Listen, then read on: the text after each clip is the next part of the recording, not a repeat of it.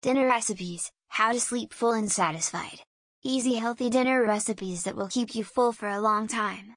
Surprise your family with a light meal of crispy salad and gratinated sea bass and enjoy the time together over dinner. Meals that are eaten together, such as dinner, also make an important contribution to the feeling of togetherness in the family. Make yourself and your family happy with hearty, unusual, and quickly prepared dinner recipes of mine. For more visit us at www.whynotdiy.me.